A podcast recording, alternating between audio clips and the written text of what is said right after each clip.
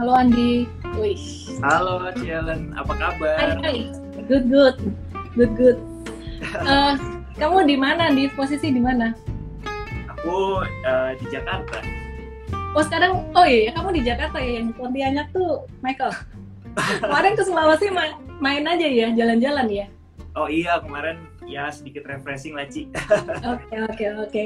Nah teman-teman semuanya, aku kenalin dulu nih Andi, Andi Senjaya. Uh, Halo. Dia anak muda yang sangat semangat sekali dalam mengedukasi juga dan very humble, very down to earth ya.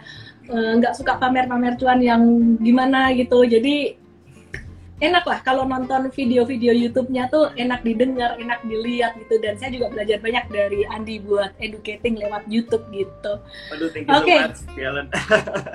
saya jadi Andi, grogi nih sama Cielen. Oh, saya, aku juga grogi YouTuber saham terbesar se-Indonesia Raya. Enggak, belum. Oke, okay. Andi malam hari ini kita mau ngobrolin tentang apa nih? Sorry uh, aku keasikan tadi bahas market. Iya nggak apa-apa.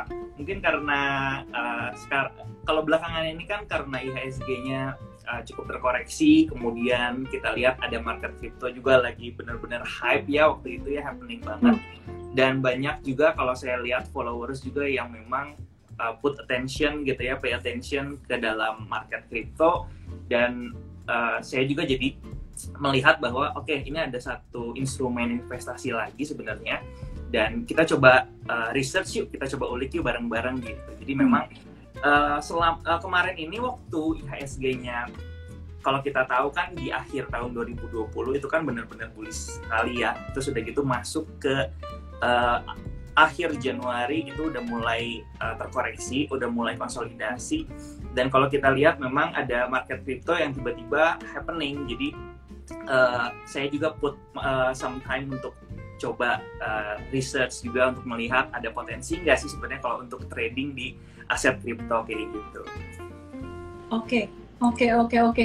Jadi kamu sekarang lebih banyak di kripto atau lebih banyak di saham? Sebenarnya kalau ditanya lebih banyak, uh, dua-duanya posisinya sama Duit aja.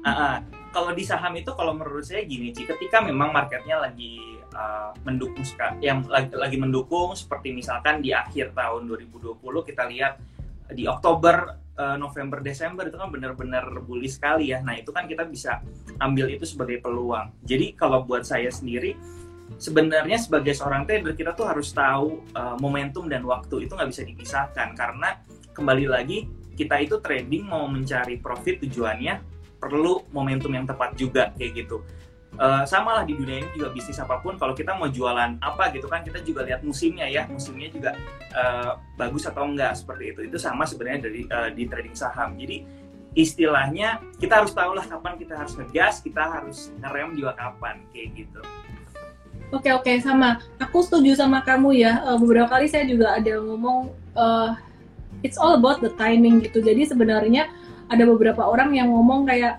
wah ini saham nggak menarik lagi nih di kripto aja gitu saya cuma percaya bahwa waktu itu saham lagi rally juga semua cuan gitu. Nah, uh, sekarang kripto habis turun dari 19 Mei kemarin sekarang jadi sideways juga agak-agak slow down juga gitu kan ya. Everything uh, ada ada timingnya gitu.